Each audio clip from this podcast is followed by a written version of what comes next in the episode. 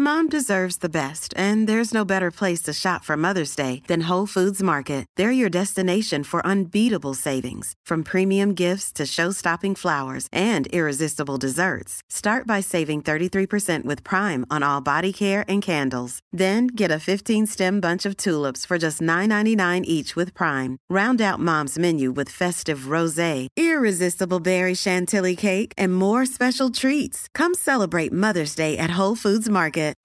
Life is full of what ifs. Some awesome, like what if AI could fold your laundry? And some, well, less awesome, like what if you have unexpected medical costs?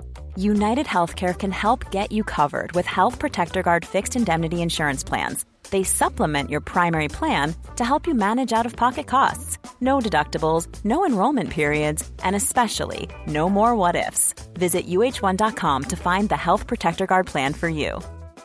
Hey, it's Ryan Reynolds, and I'm here with Keith, co star of my upcoming film, If, only in theaters, May 17th. Do you want to tell people the big news? All right, I'll do it. Sign up now and you'll get unlimited for $15 a month in six months of Paramount Plus Essential Plan on us. Mintmobile.com slash switch. Upfront payment of $45 equivalent to $15 per month. Unlimited over 40 gigabytes per month. Face lower speeds. Videos at 480p. Active Mint customers by 531.24 get six months of Paramount Plus Essential Plan. Auto renews after six months. Offer ends May 31st, 2024. Separate Paramount Plus registration required. Terms and conditions apply if rated PG. A lot can happen in the next three years. Like a chatbot may be your new best friend. But what won't change? Needing health insurance. United Healthcare Tri Term Medical Plans are available for these changing times. Underwritten by Golden Rule Insurance Company, they offer budget friendly, flexible coverage for people who are in between jobs or missed open enrollment. The plans last nearly three years in some states, with access to a nationwide network of doctors and hospitals. So, for whatever tomorrow brings, United Healthcare Tri Term Medical Plans may be for you. Learn more at uh1.com.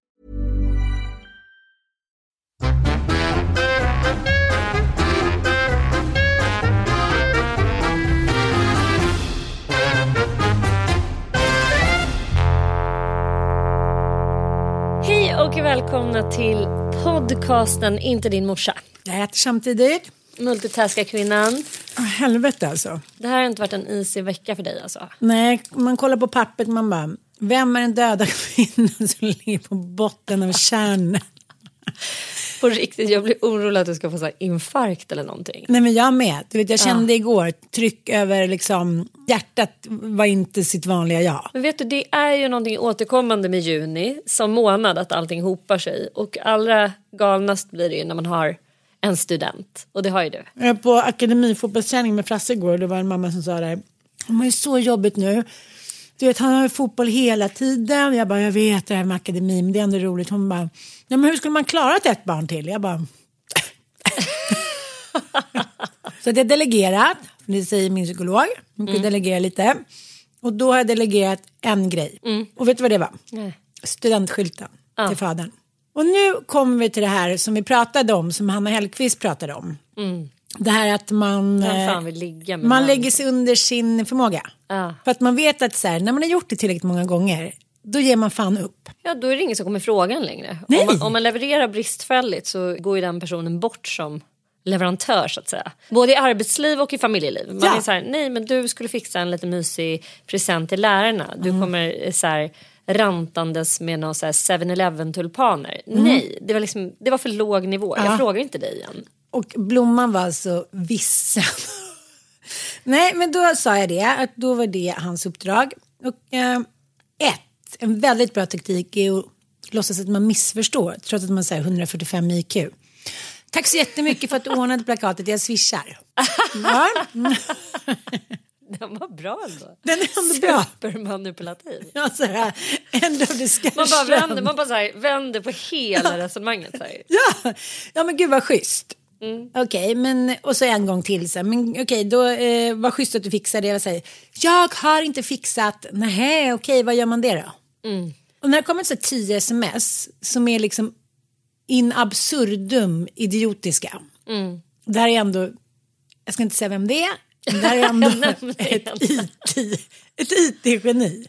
Ett IT-geni samt så här, han är också grä, har en bakgrund som grävande journalist. Jag. Han kommer inte undan Jag där. säger ingen namn, men Nej. alltså, nu får du skylla dig själv. Vad du nu heter, Mr X.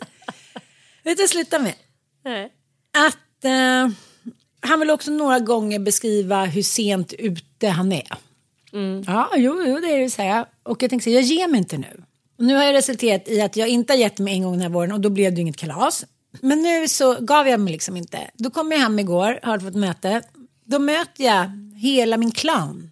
Det är store pojkare och pappan och det är liksom, jag känner så här, gud vad har hänt nu då? Har ni, eh, har ni åkt bil för att prata ut? Har ni den gode fadern? Eller liksom, spännande ändå att de står utanför min lägenhet liksom klockan ett på dagen. Ja. Ja, kanske hade köpt skor vid något studenten. Då har alla tre varit inne i stan och fixat den här studentskylten. Express. Får man också skit för hur dyr den var. Kostar 13,75. Ja, den kostar 375 om man beställer den via den lappen som jag skickade. ja, det blev dyrt. Ja, det blev dyrt. Fiska, fiska. Sen får jag liksom en liten så här, irriterad kommentar av min son.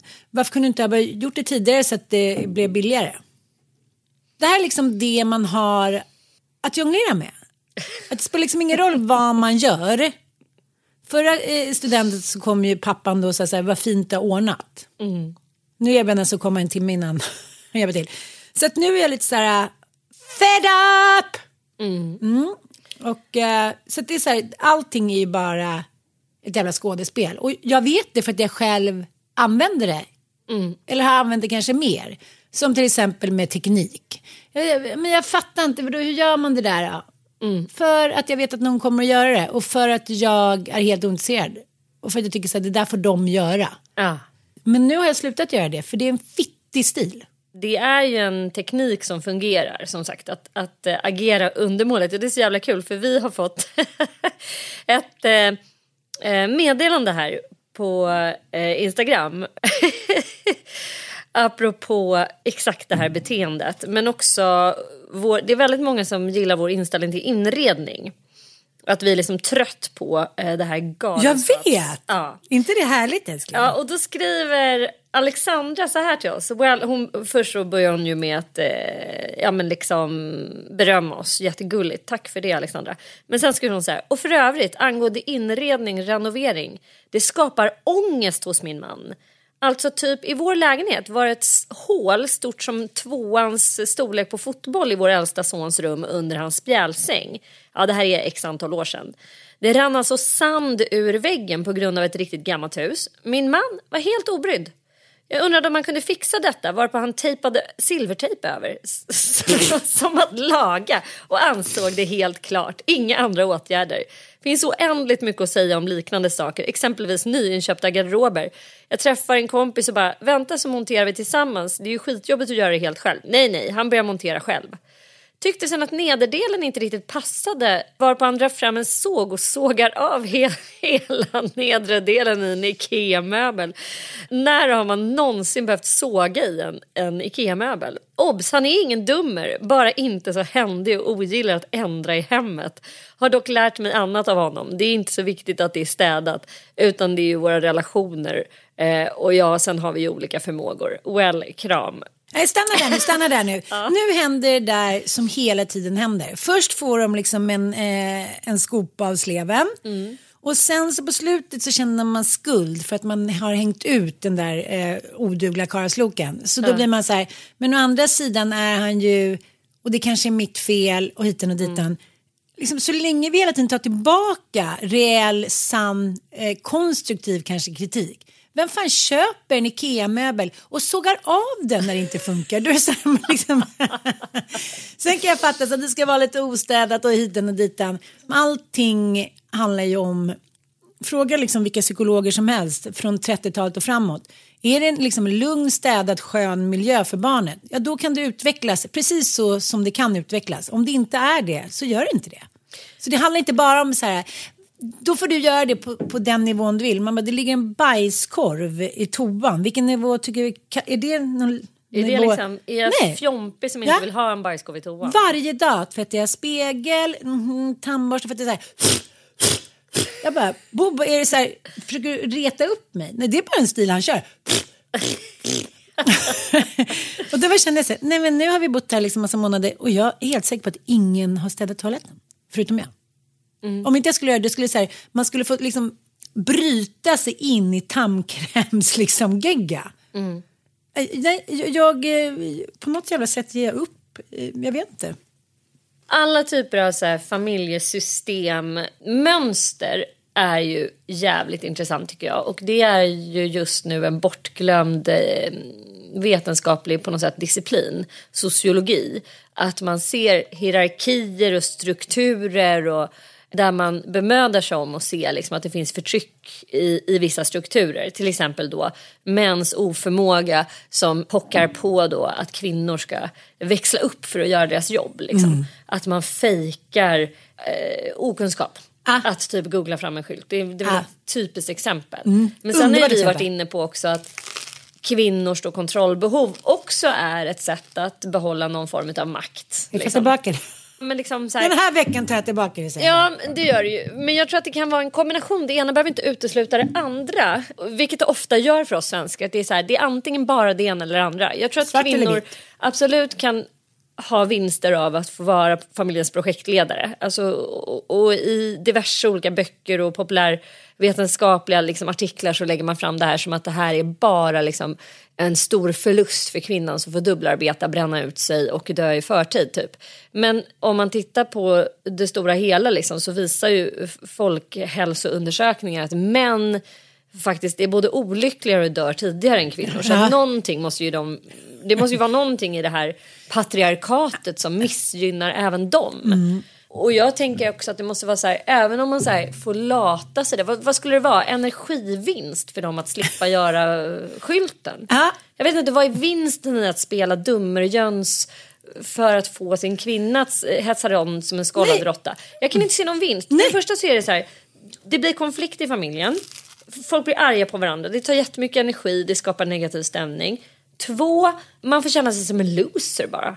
Allmänt som ett korkat pucko. Eventuellt att man får känna att man lurar någon lite grann och får känna sig lite smart på det sättet. Men generellt så tycker väl alla bara att man är en loser som inte lyckas fixa fram en studentskylt till sin son. Jag förstår liksom inte, det finns ju inga vinster i det.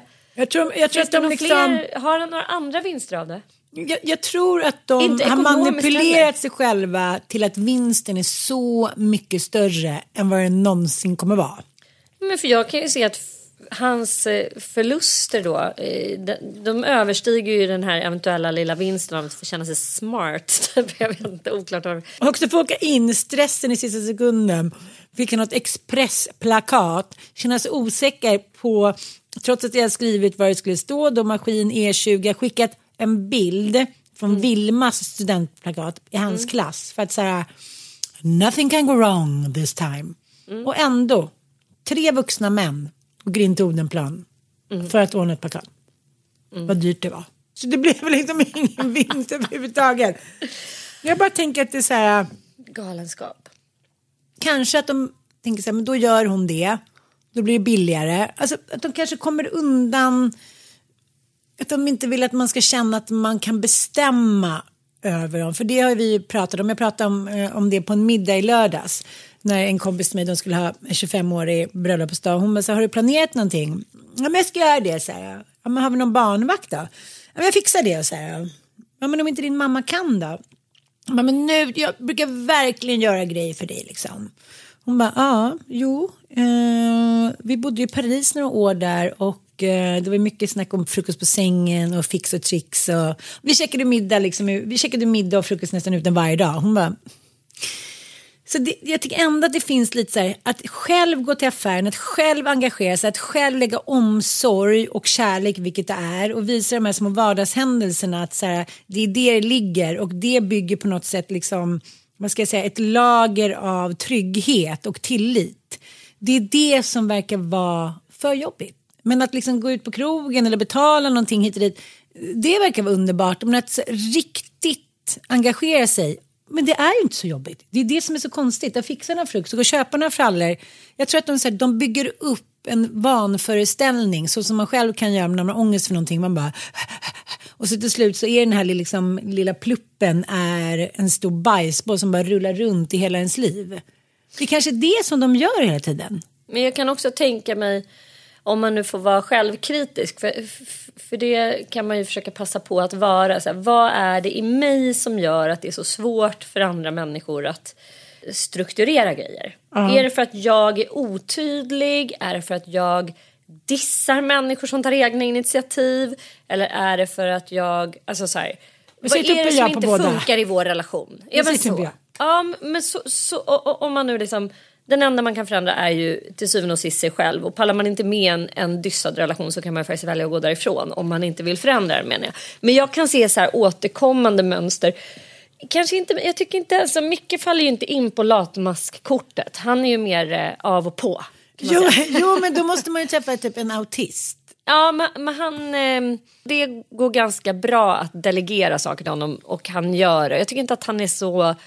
han- är nästan lite åt andra hållet, att han tycker att jag är liksom rörig och stökig och så. Ja, Men det är för att han vill ha det på sitt sätt ju. Ja, det är mycket att han vill ha det på sitt sätt, men också att han har liksom en, en lite annan nivå. Så att säga. Det skulle aldrig förekomma en bajskorv i toaletten eller ett spegelstänk. Alltså han är ju pedant. Ja, ja. Och det kan man ju vara av massa olika skäl. Det behöver inte betyda att man är en hel människa för att man är pedant. Nej, det kan jag skriva under på. Men varför kan man inte få någon som är lite mittemellan? Ja, men det hade kunnat vara trevligt. Men, men hur som helst, ändå kan jag uppleva i, i relationer. Jag, jag kan titta på min mamma är ett bra exempel. Liksom hur hon, hon var den drivande hon var den fixande. och, och hon hamnade ofta i relationer med människor som surfade loss på hennes fixar och trixar egenskaper. Liksom. Men tycker överdrev hon sin, eh, liksom, sin Nej, men jag tycker nog att det var så. Och hon är också så här flexibel. Jag kan se att du är sån person också. Att du är så här, hoppar in i bilen och åker 10 mil till någons liksom, sommarställe och är så här. Alltså man är flexibel, man är rörlig, man, är, man har mycket energi och man är så här. Jag kan ändå se att hon sökte sig till människor som var motsatsen till henne. Alltså att hon behövde någonting hos människor som var lite mer jordade och lite mer stabila. Kanske lite mer då lite mer autistiska drag. Liksom, Ja, ja. Missförstå mig rätt. Men det slutade ofta i att hon hamnade i liksom bitterhet. Att hon tyckte att hon inte fick lika mycket som hon gav. Och det, jag minns att vi hamnade i sådana diskussioner ofta. Att jag var så här, men ser du inte själv? Du, det här är ju återkommande tema i ditt liv. Du, du måste ju börja titta på dig själv då. Varför du vänder ut och in på dig själv och fixar och trixar och, och sådär. Alltså, eh, när, man, när man kan se att det är ett återkommande mönster. För att vi drar, dras ju till vissa typer av män och vissa typer av relationer. Eh, och jag, jag skrattar så mycket för jag skulle skicka till dig eh, en, eh, en litet inlägg som, eh, jag får inte ens nämna hennes namn, ni vet vad jag menar, The Holistic Psychologist, när hon skrev så här på svenska då, nästa gång så låt inte hormonerna styra utan kolla liksom den du blir intresserad av, kolla den personens mönster. Och sen kan du koppla på din banania hormonas smart. Och grejen är den att, alltså, får jag göra en så här superförenklad analys av dig? Det, det har ju vi pratat om många gånger du och jag. Att du på något sätt, din föreställning och tanke som bara dyker upp per automatik när du ser en man som ska ingå i din familj. Då är det en liksom halvt, ursäkta uttrycket, utvecklingsstörd individ som inte klarar av att fixa en studentskylt. Och jag tror att du applicerar den tanken och föreställningen på medlemmar av manligt kön i din familj. Att de är liksom inte förmögna. Och det måste ju komma ur att du har liksom en ursprungsfamilj med den pappa du hade som ju var bra på massa saker men absolut var en big baby i, i er familj. Ja, gud ja. Alltså, så här, men problemet är, det är ju ingenting man identifierar när man är liten. Det är det som är hela problemet. Om, Ja. om min mamma hade levat hoppas jag att hon hade sagt så här, ja han är ju en jättebaby. Men när hon blev sjuk och jag var liksom en late bloomer och late utvecklare så hade jag liksom inte riktigt kognitivt insett så här, vilken otrolig jättebaby han är. Nej. Och var. Hon skyddade väl honom, Lex som skrev DM här till oss. Att så här, ja men han är så tokig, han typ silvertejpar ett hål, men han är gullig ändå. Mm, Vi skrattar, man- han har mycket ja, annat. Han köper är frallor och, och, och han dammsuger en gång i veckan. Mm. Det är det att man själv också hemfaller åt att vara nöjd åt mindre och mindre och mindre. Mm. Och det är så intressant terapi nu. Dels så säger min terapeut så här, ursäkta du är så otydlig. Alltså, det är typ det värsta jag varit med om. Det är så intellektuellt, det är så mycket ord, du har förklaring till allting. Vad känner du på riktigt? Hur känner du nu inför det här andra steget? Vad, vad känner du då? Jag bara så här, men då tycker jag så, hon bara, nej, Freud har ingenting med att göra. Vad känner du? Hon bara sluta lulla, sluta lägga orden i mun på andra. Och det, det, här är ju hela mitt problem. Att jag känner en sak. Att de liksom instinktivt och intuitivt ska känna så här. Nu är morsan, frugan, dotra, kompisen. Så nu är hon trött. Mm. Så nu är det så här, okej. Okay, vi fattar. Det gör ju Ossian i viss mån. Han kan vara så här, okej, okay, jag fattar, så här, mamma lägg dig ner. Jag var så här, lägga sig ner, lägga sig ner, vad ska vi lägga oss ner? Kan vi ligga ner? liksom så uppe i varv hela tiden. På grund av tidsbrist faktiskt. Mm. Och sen så liksom känner jag då att eftersom jag tänker liksom i mitt undermedvetna att de är nog inte så kapabla och det är synd om dem för de är av hankön. Mm. Då blir jag luddig. Ja, jag vet inte, ja, det vore schysst om du kunde. Ja, ja, ja men då liksom sätter de sig ner och kollar på golf eller någonting och tänker så här, fan vad skönt, ordnar hon det? Och då eh, lackar jag ur och är så här, men vad, vad är ni inte fattar? Mm. Så jag fattar verkligen att det handlar om både och. Att vara tydlig. Det är liksom mitt sämsta vapen. Jag är så dålig på att vara tydlig. Men då kanske jag kan, ja, men, då, men jag fixar det.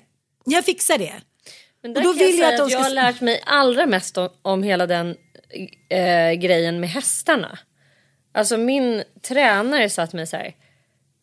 Behandla inte det här djuret som är så här überintelligent som att det är liksom en åsna. Typ. Nej men på riktigt, de är ju så mycket smartare än vad du tror. Du, du är hela tiden där och så här försöker hålla och bära det här djuret som har liksom en tankekapacitet som är långt bortom din eh, förmåga att se.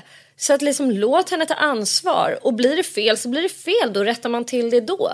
Att man faktiskt låter någon försöka för att lyckas. Och det är så jävla spännande för att jag hade våran Nutty professor Fred Nyberg. Ja, ja, ja. En, mm, en, en, en professor som vi har föreläst en hel del med. Mm, han är professor i biologisk beroendemedicin och han är liksom farmakolog från mm. början men har ju, driver UFOL som är en, eh, nej men en, en forskar, liksom, vad ska falang. man säga? Ja, I Uppsala. Falang i Uppsala där man forskar på beroende och missbruk. Han är en av världens främsta ju. Men det är han och ni kan gärna gå in på Youtube. Det finns en del föreläsningar av honom som är filmade och eh, han är fantastisk faktiskt på att förklara liksom, beroendehjärnan.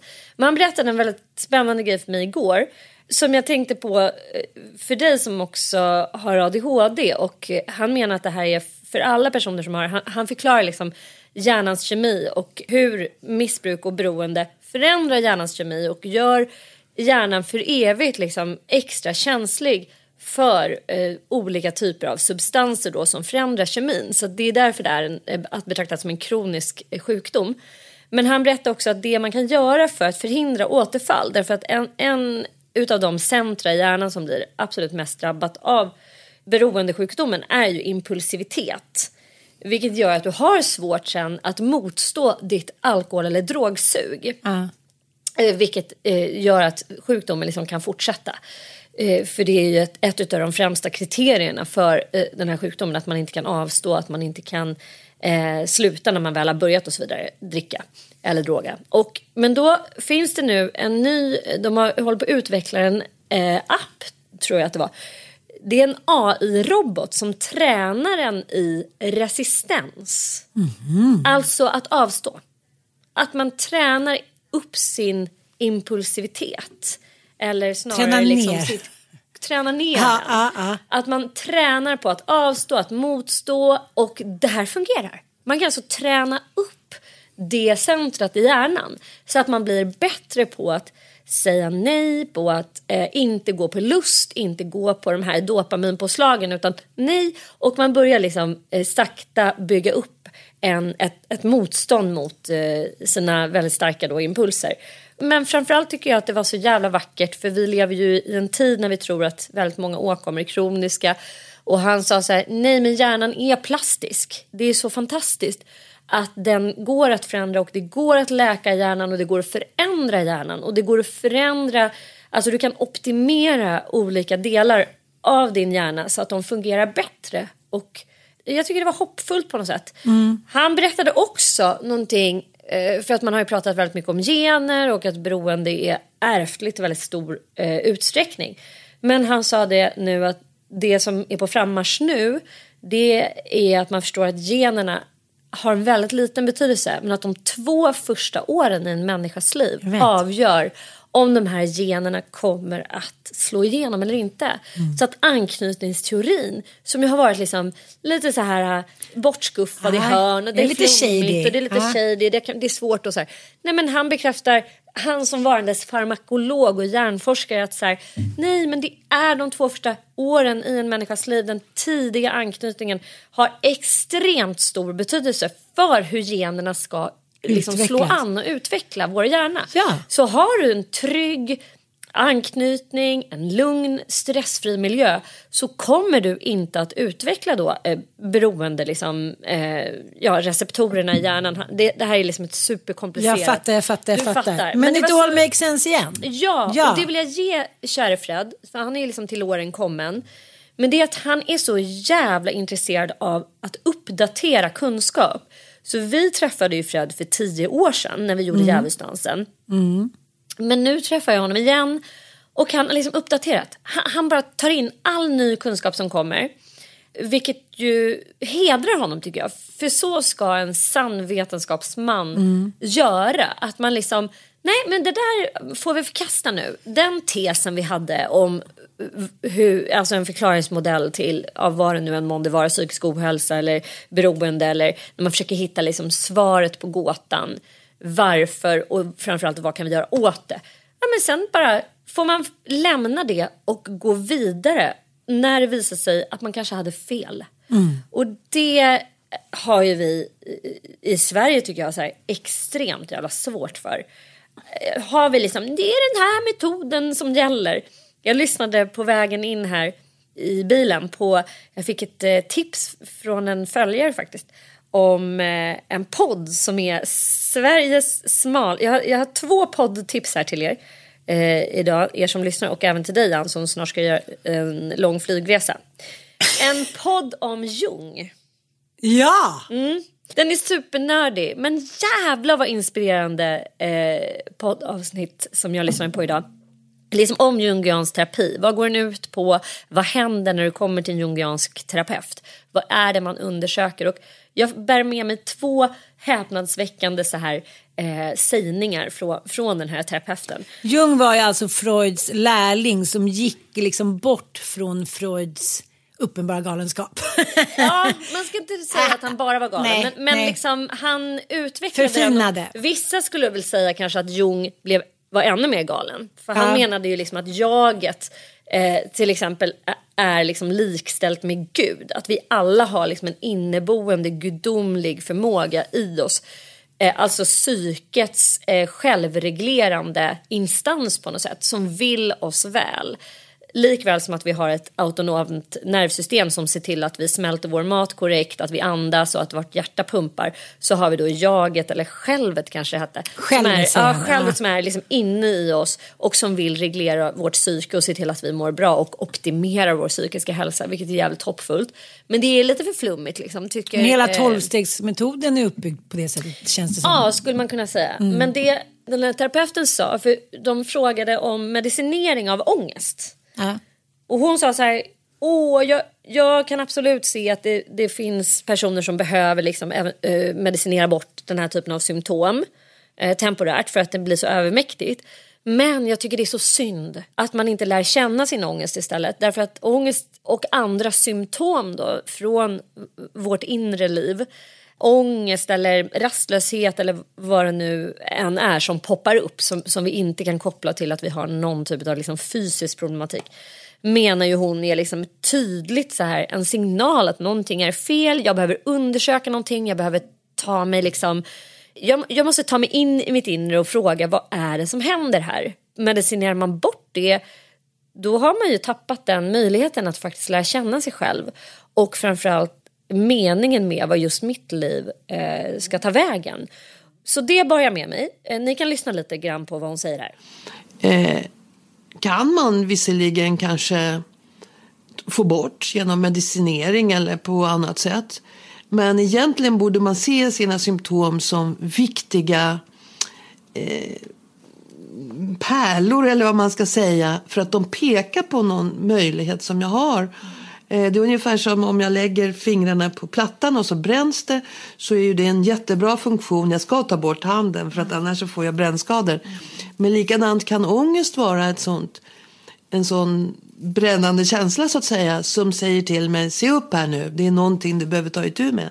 Och att man inte bara ska ta bort symptomen. Mm. Eh, tycker du att det där stämmer? Kan du förklara lite om det, om det stämmer? Jag tycker definitivt att det stämmer. Jag tycker att vi är inne på en helt fel väg när vi medicinerar eh, för minsta symptom idag.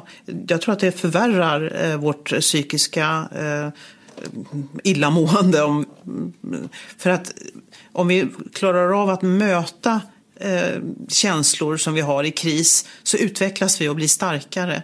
Eh, men om vi stänger av eh, så lär vi oss ju inte. Det är, som att, det är samma sak som med vår muskulatur. Jag menar, om man, så fort man skulle känna ett litet motstånd i när man går och tränar eh, och då väljer att sätta sig och vila istället, då kommer man ju aldrig att träna de här musklerna. Och det är samma sak med vårt psyke. Det här är, det här är resurser som vi behöver träna. Vi behöver klara av att möta svåra känslor.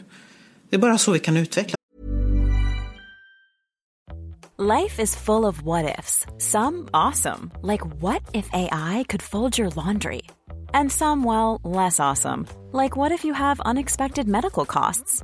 United Healthcare can help get you covered with Health Protector Guard fixed indemnity insurance plans they supplement your primary plan to help you manage out of pocket costs. No deductibles, no enrollment periods, and especially no more what ifs. Visit uh1.com to find the Health Protector Guard plan for you. Mom deserves the best, and there's no better place to shop for Mother's Day than Whole Foods Market. They're your destination for unbeatable savings, from premium gifts to show-stopping flowers and irresistible desserts. Start by saving 33% with Prime on all body care and candles. Then get a 15-stem bunch of tulips for just $9.99 each with Prime. Round out Mom's menu with festive rosé, irresistible berry chantilly cake, and more special treats. Come celebrate Mother's Day at Whole Foods Market. One size fits all seems like a good idea for clothes until you try them on. Same goes for healthcare. That's why United Healthcare offers flexible, budget friendly coverage for medical, vision, dental, and more. Learn more at uh1.com. Imagine the softest sheets you've ever felt. Now imagine them getting even softer over time. That's what you'll feel with Bowl and Branch's organic cotton sheets. In a recent customer survey, 96% replied that Bowl and Branch sheets get softer with every wash. Start getting your best night's sleep in these sheets that get softer and softer for years to come. Try their sheets with a 30-night guarantee. Plus, get 15% off your first order at bowlandbranch.com. Code BUTTERY. Exclusions apply. See site for details. Vidare. Det jag också bär med mig från den här podden det är ju den här individualiseringsprocessen som eh, Jung eh, talar sig varm om. Och det är liksom det som alla brottas med i adolescensen men även under mittlivskrisen. Alltså vad är det för mening med just mitt liv? Var, var ska jag hitta hem? Vilka talanger finns det inuti mig som behöver få komma ut och göra nytta? Typ. Och den här terapeuten menar att det är väldigt många som börjar just en terapeutisk resa för att man helt enkelt känner att livet är tomt. Alltså här skuttar jag runt på jordklotet och har köpt en villa och en Volvo och en vovve och har två barn och en man. Men det känns ändå så jävla tomt. Den här existentiella tomheten att man inte har gjort med sitt liv eh, liksom som, man, som man skulle kunna bidra på något sätt. Alltså, man har inte utvecklat sig själv till fullo. Eh, och det är på något sätt nyckeln till, och hon beskrev det också snyggt att så här, det handlar liksom absolut inte om att man väljer den enklaste vägen eller en väg som är så här, trygg eller stabil utan för vissa människor så innebär det tvärtom att man väljer en jävligt svår väg där man kanske går emot många av ens vänners liksom, idéer om vad som är eh, högstatus eller lågstatus eller samhällets, det omgivande eh, samhällets liksom, eh, PK-idéer till exempel. Men du kommer ändå känna när du hittar din väg, alltså individualiseringsprocessen handlar ju om att hitta just din enskilda väg. Så kommer du känna någon typ av lugn som du aldrig kan hitta på annat håll. Jag känner att jag är på väg just där nu och det, liksom, ofta börjar ju det med en kris av något slag. Men om man ska titta tillbaka på samhället innan vi då eh, liksom eh, rationaliserade bort Gud och det andliga väldigt mycket och vi jobbade i ett väldigt liksom, vad ska jag säga, utstuderat eller tydligt klassamhälle. så finns det ju liksom forskning kring att eh, jag menar, människor i bondesamhället var inte särskilt olyckliga.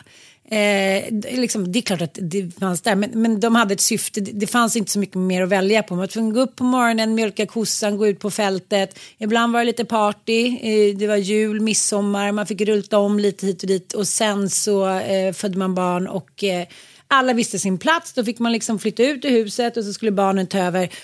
Och nu, nu liksom förenklar jag och sen dog man typ. Och sen överklassen då och deras eviga tomhet. Att så här, när de inte längre behövde göra någonting utan bara liksom, särskilt kvinnorna då. Vad ska vi nu hitta på?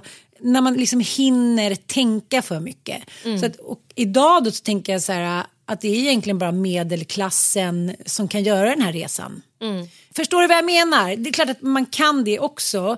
Men jag tycker ofta man ser, Det är väl om vi, det som om vi ska säga överklassen då, när man har kompisar som är så här, nu kör jag min grej typ, nu ska jag flytta till, eh, ja, whatever, jag tänkte säga eh, Birmingham. Men Mm. de trippar alltid tillbaka.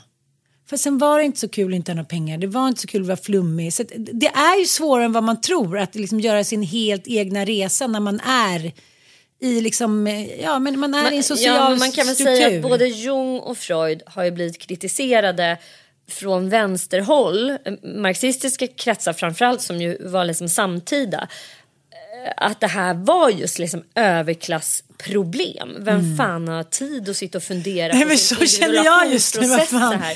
Jo, men samtidigt så idag så skulle jag absolut inte säga att, att eh, den jungianska skolan är förbehållen liksom, den övre medelklassen, överklassen. Utan det här är någonting som går att använda på alla människor. Därför att vi i Sverige, det finns ju knappt någon som lever i fattigdom längre. Utan alla lever ju, alltså speciellt i vårt land, liv där man har tid att fundera på ens egen existens. Vad är det för mening med hela skiten? Och vi har också ett urholkat religiöst landskap här helt Vi enkelt. har Och med många har liksom. Jag var så här, ja, gick, bara, gick in i meningen kyrka igår och satte mig och bara, så här, vad känner du? frågade terapeuten. Jag bara, jag känner mig trött eh, för jag måste fixa. Nej men du vet, det är så här, man hinner, liksom man orkar inte. Jag vet inte heller om man vågar. För när andligheten, det som den gör, det är att den tar tid. Men nu har jag tänkt om, att istället för att jag ska tro att, att jag ska ligga liksom i 20 minuter eller gå ut på långa promenader och sätta mig på en klippa, så gör jag minikini-andliga övningar och går in i mitt eget tempel och det funkar också bra. Men annars blir man ju bara en maskin. Och det är ju, eh, det urholkar ju det själsliga när man inte kan vända sig någonstans. Tänk om man kanske inte är nöjd med sitt jobb, man kanske inte liksom har superbra vänner. Jag kan ju alltid vända mig till mina vänner. Eller så här, okej, nej, nu vill jag göra ett projekt om det här. Alla har ju inte den möjligheten. Och den här tomheten när man känner så här, det finns ingenting som jag känner att jag vill göra just nu. Jag är inte på väg någonstans. Alla har inte det där ADHD-maskineriet, förstår du, på gott och ont liksom. Så att jag fattar verkligen, det det är väl därför de svenska kvinnorna är så extremt missnöjda för tillfället och skiljer sig i parti och minut. För att det är så här, this is it. Kanoners. Och nu ska jag förmodligen leva 50 år till. Med detta där. Nej, tack. Men man kan väl säga att så här, kapitalismen har ju också förstått att vi är så här, vilsna människor som inte har hittat vårt syfte och därför för, försöker verkligen sälja på oss idéer om att det är det här som är ditt syfte. Det är då du kommer hitta vem du är. Alltså att köpa en livsstil, att köpa en look, att liksom eh, bli någon visuellt väldigt mycket. Alltså bilden av sig själv och så vidare. Men att man faktiskt kan hitta det där helt for free utan att konsumera sig till det. går aldrig att konsumera sig till det Nej. menar man i den här jungianska terapin. Eh, Jag tyckte det var sjukt spännande. Eh, Dagens poddtips nummer två. Det här är också, nej men alltså, this is my man. Jag är kär på avstånd. Ja, mysigt. Huberman Lab. Har du hört talas om det här? Hyberman-lapp. en Dr. tyroler Huberman. Nej, det här är en amerikansk Stanford-professor som alltså på riktigt, hör och häpna, ser ut som Robert De Niro. Fast en yngre Ja, version. Nu räcker det. Nej men alltså han är så snygg. Jag men nu får du väl visa honom Nej, då men jag ska för mig. visa. Jag ska visa. Han är professor i något så sexigt som neuroscience. Hjärn, alltså nervvetenskap eller hur fan. Mm. Och han driver då podcasten eh, Hubermans lab. Han är professor på Stanford, alltså han är en av världens främsta på liksom neuroscience. Och han ser alltså ut på det här sexiga sättet. Nej men, men, men alltså det där är ju inte en människa. Det är ju eh, en jätte. Urhuggen ur någon form av eh, Kopparbergs stålgruva. Är det där verkligen en människa? Jag har aldrig sett ett större ansikte. Mitt huvud framstår som ett knapphål och då är jag ett väldigt stort. Du, du vill bara ha pojkar Ann. Jag tycker du ska satsa på eh, professor Huberman här. Han är professorer. råsexig. Han Ja, ser ja, ut ja. som en blandning av Robert De Niro och ja, vem mer? Dunderklumpen. Ja, någon slags stabil man. Han är också så här tränar utav helvete. Och han har framförallt en podd som jag bara känner så här. Varför finns det inte en svensk motsvarighet till det här? Vi kan starta! jag tror inte att vi liksom, vi platsar inte. Han har fyra miljoner följare. Och jag har suttit och funderat över det här, att så här, varför finns det inte en motsvarighet till det här? Det vi har istället för Dr. Huberman, det är Agnes Wold. Vi har liksom en gnällig kärring som sitter och höftar lite i Sveriges Radio och ska förklara liksom allt om egentligen ingenting med sitt så här översittarprofessor eh, liksom och, och Kärringen mot strömmen. Ja, kärringar mot strömmen. Så att hon behandlar oss också alla som att vi är så här... Retards. får retards som inte kan någonting om någonting. Fattar ni väl? Det märkte jag när jag Nej, men vi måste ta ner, vi kan 60-talet. inte använda sådär krångliga ord, säger Sveriges Radio och SVT. Man tror liksom att man har att göra med en skock extremt outbildade människor. Och det, vilket är, tror jag, så här, den yngre generationen, det är därför de inte tittar på SVT och på Sveriges Radio. Därför att alla är idag med dessa sociala medier som finns i överflöd och där får de sin kunskap. De är så jävla utbildade. Så när man lyssnar på ett avsnitt av Dr. Huberman han har till exempel liksom, han bjuder in så här, några av världens främsta forskare. Det är det podcasten går ut på. Han har ett avsnitt som du bara måste lyssna på. Det är det smartaste jag har hört någonsin om ADHD. Adderall, stimulants and ADHD. Där han förklarar ADHD på ett sätt som jag aldrig tidigare har liksom, eh, fått det förklarat för mig. Därför att samtliga forskare som går ut i Sverige tror att vi är just en skock får som inte kan förstå liksom, hur system i hjärnan Det är inget funkar. problem. Lycklig ADHD. Nej, och så här, så Superkraften! Var är den där superkraften? Ja, så superkraft och man ska förenkla det på ett sätt som, gör att man bara, ADHD. Man bara- Så här, ställer till det. Och sen förklarar han också exakt vad olika typer av stimulantia då, mediciner gör. Vad för liksom, aktiva beståndsdelar i stimulantian gör med hjärnan och han dödar till exempel fördomen om att så här, han förklarar till exempel att liksom, i hjärnan så har vi eh, olika typer av system och att det är som en orkesterledare inne i- hjärnan som talar om för oss var vi ska ha vårt fokus. Jo, Vilket gör att man säger så här, nej du ska inte lyssna på det där nu, nej du ska inte titta på det där nu, utan nu ska du fokusera på det här. Men har man då ADHD så har man ingen stark ledare eh, för den här orkestern. Utan Det är många som står. Det är många eh, fokuspunkter så att du liksom bara pendlar och det här skapar enormt mycket stress. Vilket gör att vårt, eh, en del av vårt nervsystem som, som då går in i fight or flight mode går igång för att stressen signalerar att nu är det dags att agera. Och det skapar då den här rastlösheten att springa runt. Hur svårt var det att förklara? Varför har ingen lyckats förklara det här? Lotta Borg Skoglund eller liksom Agnes Wold eller någon annan eh, professor som älskar att prata om hjärnan. Anders, eh, liksom, vad heter han? Ja, eh, Ja. Anders som pratar T. oss som vi vore, eller vi heter. Men han pratar med oss som vi vore barn. Ja, eller jag tror snarare att det handlar om att man kanske är oförmögen att dels eh, berätta om sin kunskap. Att det behöver inte alls betyda att man är eh, en duktig liksom, kunskapsförmedlare bara för att man kan väldigt mycket. Men sen tror jag faktiskt att det har att göra med att, att både SVT och Sveriges Radio i mångt och mycket har ett tilltal där man utgår ifrån att människor är rätt obildade. Och det tror jag av historiskt liksom att det handlar eh, om att vi historiskt har haft en hyfsat obildad befolkning. Men det stämmer ju inte överens om, med hur det ser ut idag. Alltså nu har vi ju liksom en utbredd övre medelklass och vi har väldigt många människor, framför allt den yngre generationen, som kan så jävla mycket för att de får till sig den här typen av kunskap som Huberman Ja, då Bobo, sprider. Då. men bara Bobo, de sitter med en sån här extra grej på skolan. Han, men han kan ju mer om liksom olika eh, egyptiska eh, berg än vad jag kan. Liksom, de hela tiden Mm. Ja, är tillskansar liksom sig det där. de, är så, de har tillgång till en helt annan kunskapsvärld än vad Mm, vi hade. Men det här är ett varmt tips. Han, han har så jävla mycket intressanta avsnitt. Optimize and leverage dopamine. Här ska vi lyssna lite. So, for instance, if we are going to feel motivated at all, that is, if we are going to wake up in the morning or have any period of time during our day in which we feel like we are capable of pursuing goals, we are going to have to have a healthy level of baseline dopamine. So, how do we achieve a healthy baseline level of dopamine? There are practices that are supported by the scientific literature to increase your baseline level of dopamine that are independent of sleep, but are similar to sleep. And I like to refer to these as non sleep deep rest. This is not meditation. There's actually very little evidence that meditation of the traditional kind of, you know, sitting eyes closed, third eye, cent- focusing on your uh, third eye center, which is this area behind your forehead, there is very little evidence that that increases levels of dopamine.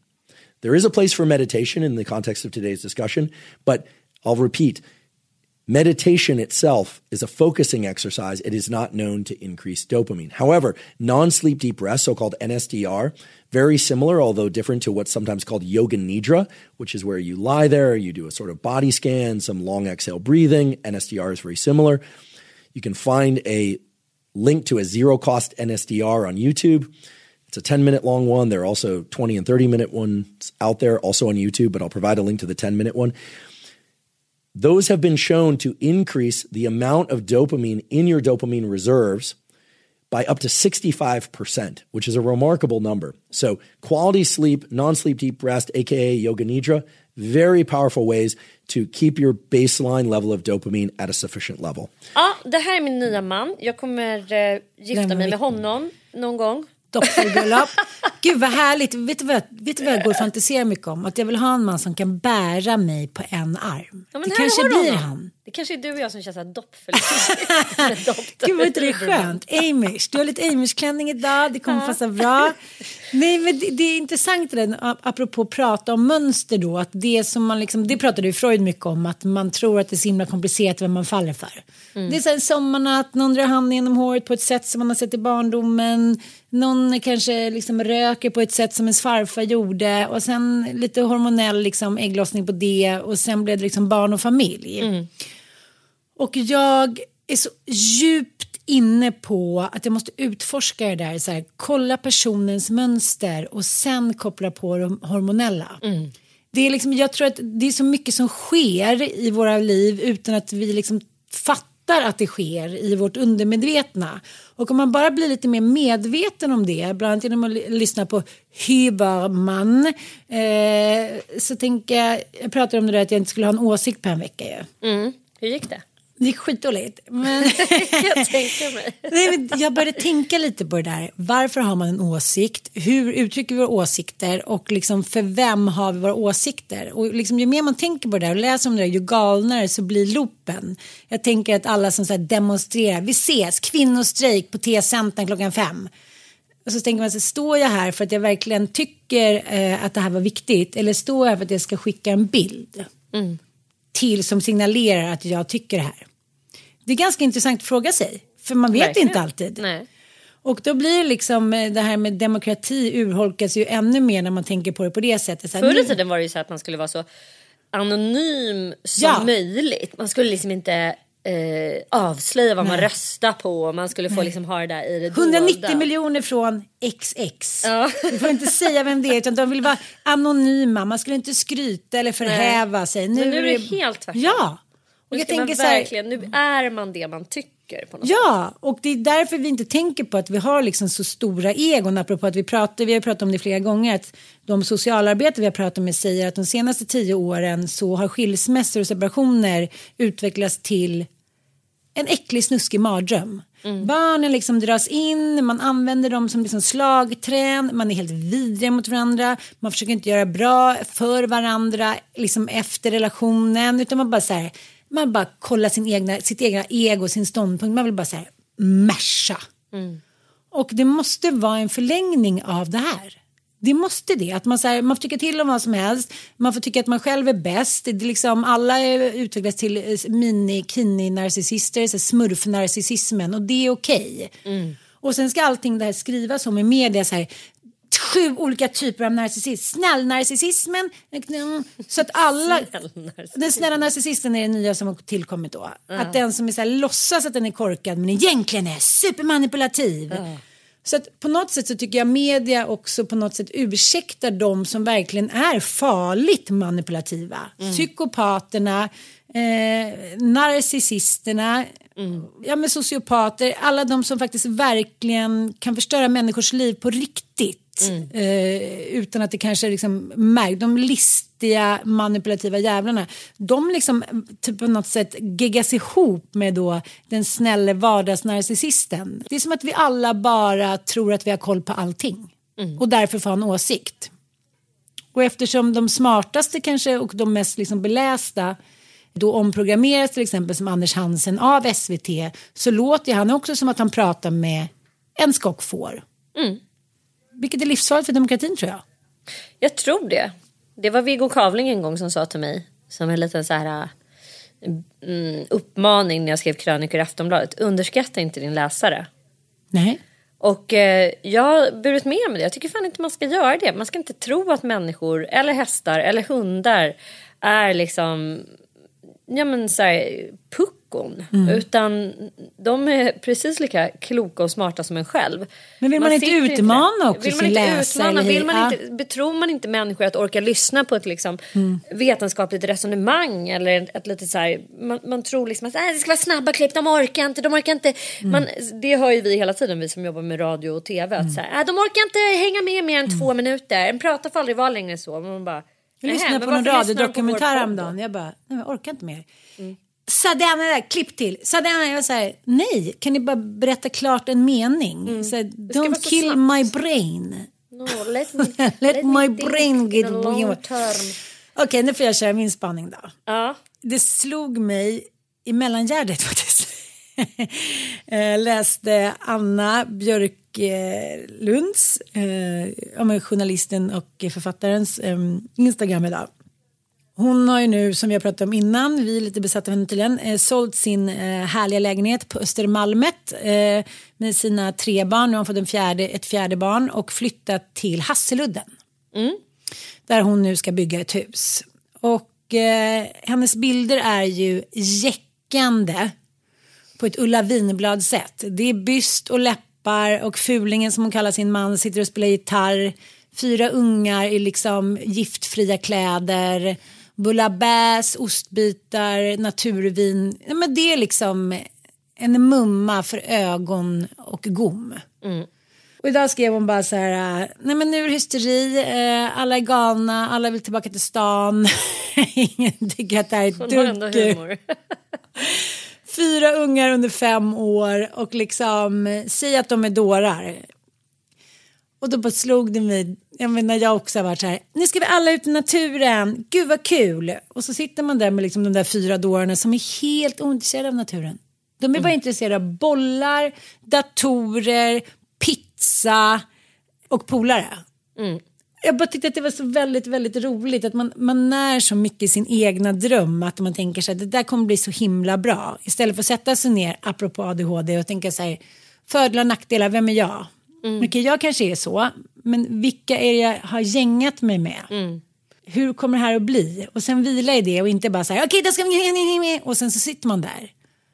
Men, jag tror att, men idén är väl att man tänker att man kan forma sina barns hjärnor och ge dem någonting annat än dator, pizza och fotboll. Jag fattar, Att men man måste ju ha så- någon som är med en på tåget. Det måste jag ändå säga. Även om Michael Svensson, Micke kan vara upp och ner hit och dit. Han är i alla fall intresserad. Även om det inte är av samma saker så vill han ändå ha liksom några bilar där på uppfarten. Han vill klidra lite där med liksom stängslet. Han vill gå till liksom vattnet. Ni är båda roddare. Men att för mig att flytta utanför stan med min nuvarande och mitt ex. Alltså det är så här, jag måste idiotförklara mig själv så mycket. För hur härligt den är omgivningen, hur mycket bullabäs och vatten och hundar man kan ha. Så är det ju så ensamt och vedervärdigt att göra allt det där själv.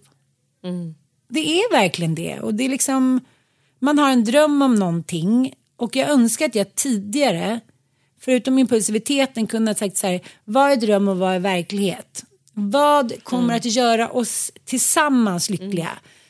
Eh, och det har jag nu förstått när jag liksom går in på den här terapin där jag försöker vara lite tydlig. Att jag har trott att jag haft en förmåga som jag fått med mig från barndomen att så här, förändra verkligheten. Att, så här, förändra gör- människor också, ja. Ja, att göra människor liksom Till andra än vad de är. Ja. Och sen så men det, det gick ju aldrig. Det, det gick, hur mycket du än försökte så gick det inte att ändra den där apan liksom för ursprunget. Och du kunde inte ändra det själv heller. Och då tänkte jag henne, jag, var så här, jag ville bara skriva så här, sälj skiten bara, bygg inte ens det, flytta in till stan några år till och sen kan man göra det. Småungar och så ta hand om dem där och de ramlar och slår sig, det är myror och hit och dit. Eh, jag kan säga så här, både och. Alltså, att ha barn in i stan, fy fan vad jag älskade det. Ja. För att man är aldrig ensam. Nej. Man går runt där, man kan pipa in på något bibliotek eller till någon öppen förskola. Eller gå på liksom... Ensamstående mamma, nej tack, in Ja, men till alltså, så, stan här, bara. så ensam som man har känt sig när man så här, sitter på, i någon villa i liksom, Nacka och att man hela tiden måste köra bil för att komma någonstans. För det är vedervärdigt att köra med bebisar. Mm. Vedervärdigt. Ja. Men sen att ha barn som Fox nu på Lundby, det är ljuvligt. Alltså det, det kan jag bara säga att han är ju också ett sånt barn som på riktigt utbrister. Mamma, de blommar nu. Titta vad vackert, rhododendron. Alltså han är ett Jo, naturbarn som går runt och vill så lära Det är sig en olika på blommor. och så. miljonen. Ja, det är en på miljonen. Det jag är så glad. Och som är så här, det.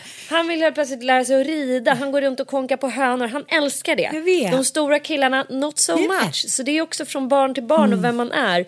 Och säkert kan man fostra in liksom lite av det där naturälsket. Men absolut inte bara, utan alla är ju som...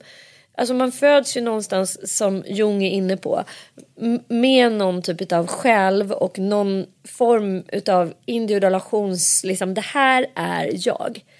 Och jag kan liksom inte ändras hur mycket vi än Nej, försöker. men det spelar ingen roll om jag sätter liksom är. Elon typ i en apebur i 200 år med liksom blommor runt ett dit. Han kommer titta upp och liksom, jaha, eh, jag måste spela nu. Alltså, det- man märker på vissa barn, det går inte att få dem att känna liksom, naturens impulser. Det liksom, de- är inte där bara, de är i sin hjärna liksom. Men sen Frasse då, det är så han vaknar på morgonen och säger okej Benjamin från min akademi, bjud, kan du bjuda hem honom? När är fotboll? Jag vill säga Okej, och det är fotbollskort och hit och dit. Liksom, han skulle också passa på Stora Lundby för att han skulle kunna spela fotboll och bära på en höna. Men han liksom, Foxen är så här, det är du och Foxen som får bo där.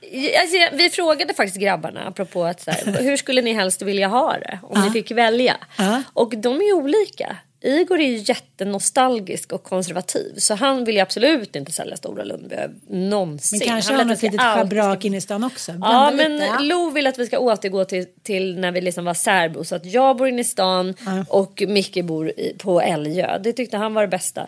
Foxen vill ju absolut inte sälja Stora Lundby. Alltså han vill inte ens att vi skulle bygga om köket. Han är ju bara liksom stockkonservativ.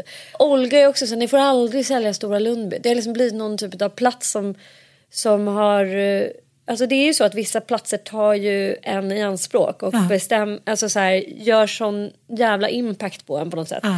Och, och det vill jag säga som en sista grej att min, min brorsa han är skitintresserad av antropologi och han berättade någonting om det, eh, alltså om det muntliga berättandet. Att det muntliga berättandet hos till exempel ursprungsbefolkning i USA är väldigt beroende av platsen. Alltså att det är en stor anledning till att man vill ha sina reservat. Eh, därför att du kommer inte åt dina minnen. Om du inte har skrivit ner dem så kan du inte få access till dina minnen om du inte är på platsen för vissa händelser.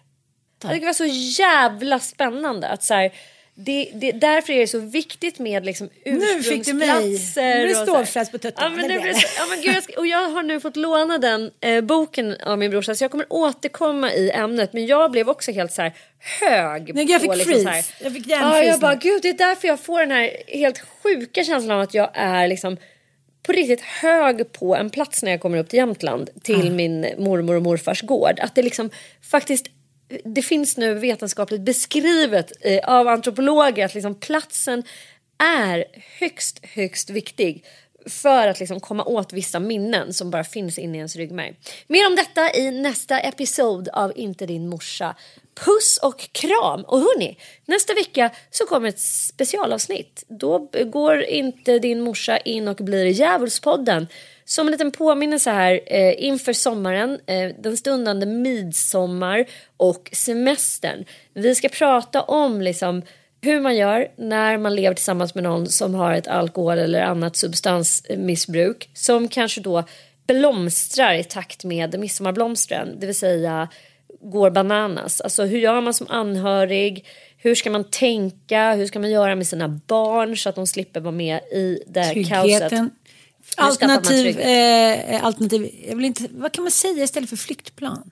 Eh, Ja, alternativ att förändring. Ha, ja men ha, eh, skapa en plan B. Och vi ska då få hjälp av ingen annan än Agneta Trygg, stiftaren eh, av eh, stiftelsen Trygga Barnen. Och även Anna Sjöström, Mm. Promilletanten.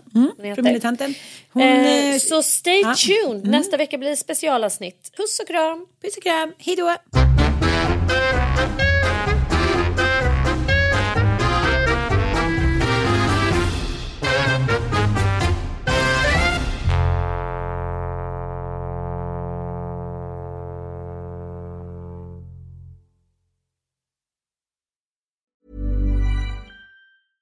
Mom deserves the best, and there's no better place to shop for Mother's Day than Whole Foods Market. They're your destination for unbeatable savings, from premium gifts to show-stopping flowers and irresistible desserts. Start by saving 33% with Prime on all body care and candles. Then get a 15-stem bunch of tulips for just $9.99 each with Prime. Round out Mom's menu with festive rosé, irresistible berry chantilly cake, and more special treats. Come celebrate Mother's Day at Whole Foods Market. Hi, I'm Daniel, founder of Pretty Litter. Did you know cats tend to hide symptoms of sickness and pain? I learned this the hard way after losing my cat, Gingy. So I created Pretty Litter, a health monitoring litter that helps detect early signs of illness by changing colors, saving you money and potentially your cat's life. Pretty Litter is veterinarian developed, and it's the easiest way to keep tabs on your fur baby's health right at home. Go to prettylitter.com and use code ACAST for 20% off your first order and a free cat toy. Terms and conditions apply. See site for details.